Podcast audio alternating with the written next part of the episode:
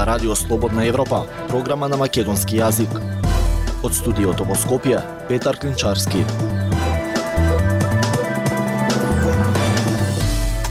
Во денешната емисија објавуваме Одлуката на владата за спојување на концесиите за рудникот и ловица штука може да биде поништена, сметаат експертите. Оној што ведем не може да заврши во затвор, како функционира новото дело од кривичниот законник во пракса. Татковците по развод се жалат и ние сме родители, не само банкомати за пари. Руски војници држани во јами и визби зашто одбиле да се борат во Украина. Слушајте не. Независни вести и анализи за иднината на Македонија. На Радио Слободна Европа и слободнаевропа.мк.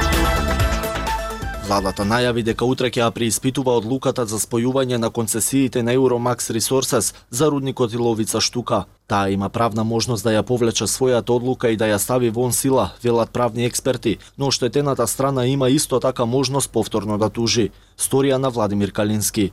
Владата има правна можност да ја поништи својата одлука од 27 јуни за спојување на двете концесии за експлоатација на бакар и злато во локалитетот Иловица за компанијата Euromax Resources, но подпишувањето треба детално да го образложи што било спорно во предходната одлука и кои закони биле прекршени со незиното донесување. Ваквите можности се предвидени во деловникот и во законот за влада.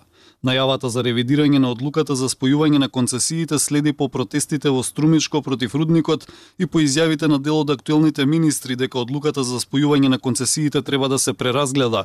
Веќе постојат бројни случаи кога владата поништила свои веќе донесени одлуки, меѓу последните одлуката за доделување на македонско државјанство на украинецот Александар Онишченко, Во член 30 од Законот за влада се вели дека таа има право и должност да укинува или поништува прописи или други акти на министерствата, органите на државната управа и управните организации кои не се во согласно со уставот, законите или другите прописи на собранието или владата. Спојувањето на двете концесии предизвика силни реакции на жителите и активистите од југоистокот на државата кои долги години се бореа против изградба на рудникот за бакар и злато и ловица штука, Тие во ова гледаат политичко партиска заднина што ја поврзува компанијата еколог на семејството Дестани, која преку својот холдинг компании во Холандија ND Group влезе со 25% уделот на Euromax Resources. Според професори од правниот факултет со кој разговараше Радио Слободна Европа, владата има две различни надлежности. Една да врши надзор на законитост на општи подзаконски акти на органите на управата врз основа на што може да укине, поништи или стави вон сила, одредба или општ подзаконски акт на орган на управата, а друга да може да ги менува, окинува или става вон сила и собствените општи подзаконски акти и со тоа тие повеќе да не произведуваат правна сила. Поништувањето како правен институт подразбира дека сите последици кои се појавиле од донесениот правен акт мора исто така да се поништат, велат професорите. Компанијата Euromax Resources имаше добиено две посебни концесии за експлоатација на бакар и злато, но за нив бараше спојување – Владата на 27 јуни гласаше двете концесии да бидат споени. Едната концесија за експлоатација на бакар и злато на локалитетот село Иловица во општина Восилово, а друга исто така на локалитетот во Иловица, но која зафаќа делот и општината Ново село.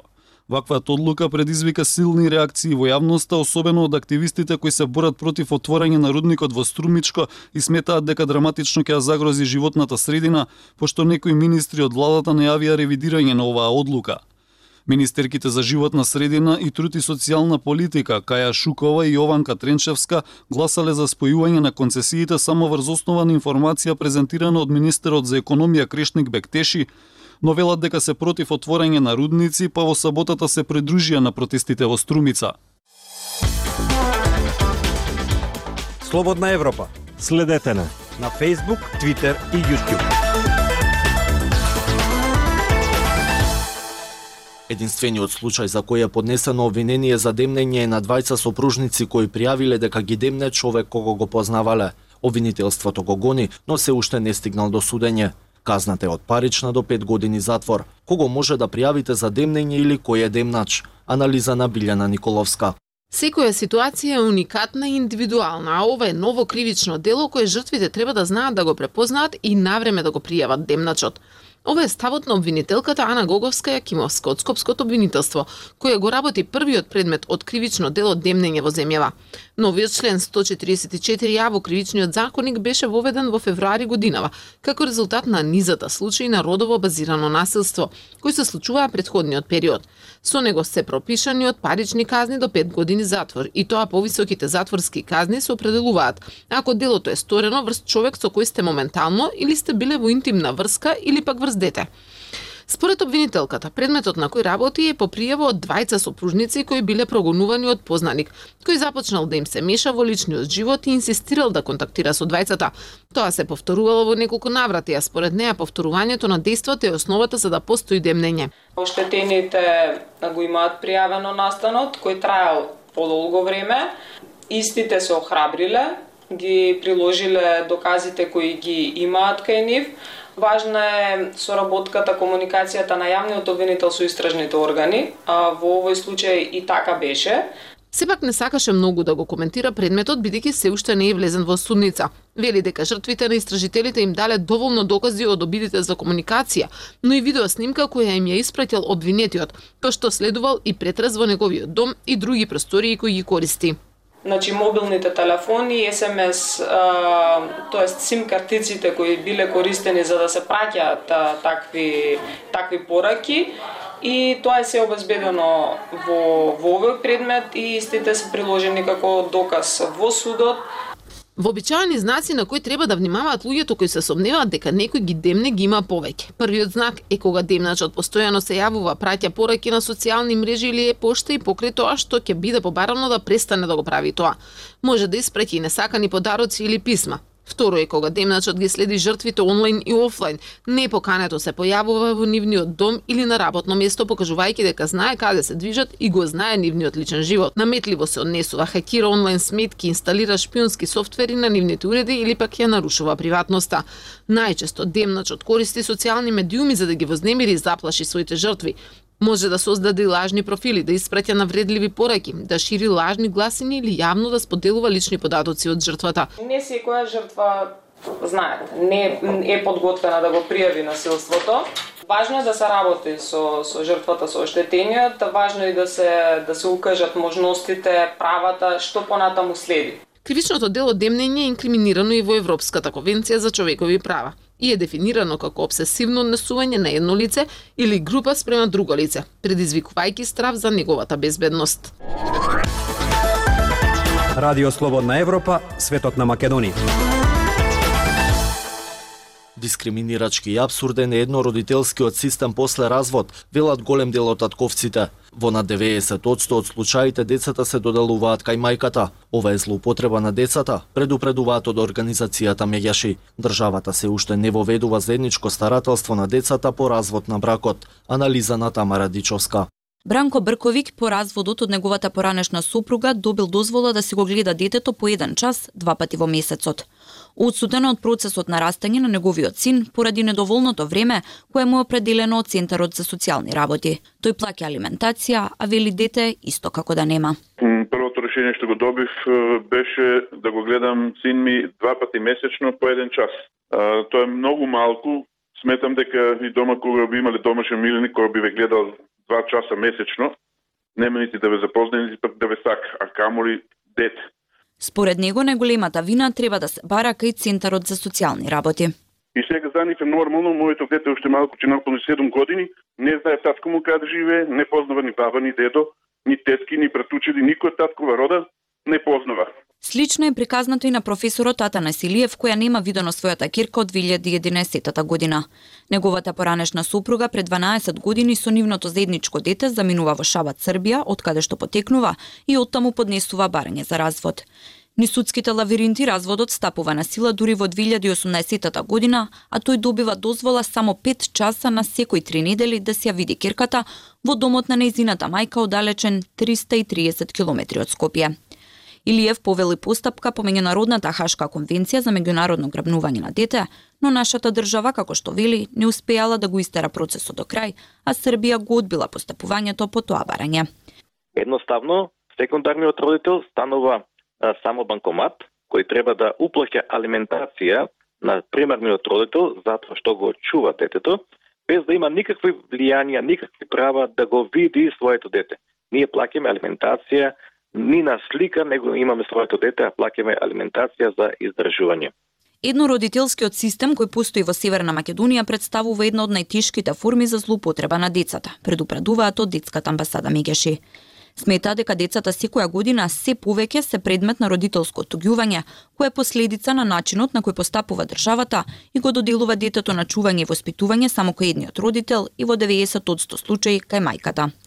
Уште пред пет години побарали измена на Законот за семејство за да се промени, како што велат, неправедната положба на родителските права по развод, но не резултирало со никаков успех.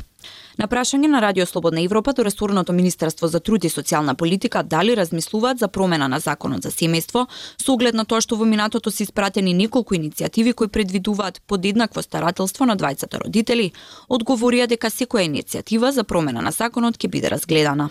Самите немаат намера да го менуваат законот и според нив постојниот закон предвидува двајцата родители да имаат право на старателство, а Центарот за социјална работа одлучува кому ќе му припадне детето. Актуелности свет на Радио Слободна Европа. Најновата видеоснимка објавена од рускиот канал Астра покажува група руски војници во Украина кои се во заробеништво во јами и визби, затоа што одбиле да одат на првата линија на фронтот со недоволно опрема и поддршка. Повеќе од Марија Тумановска.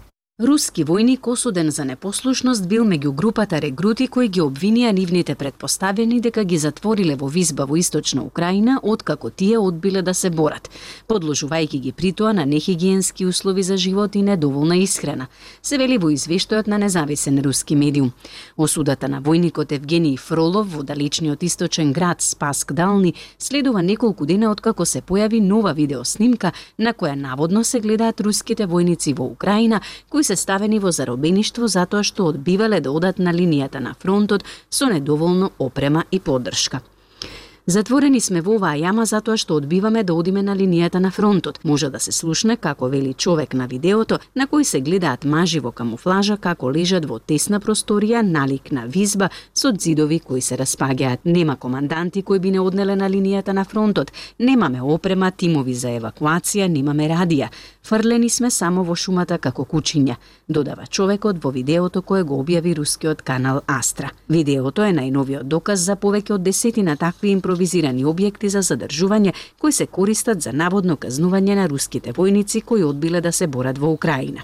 Фролов, војникот осуден за непослушност во војниот суд во Спаск Дални, бил меѓу групата руски регрути кои наводно се држени во слична визба во селото Завитне Бажања на територијата на источниот украински регион Донецк, контролирана од руските сили.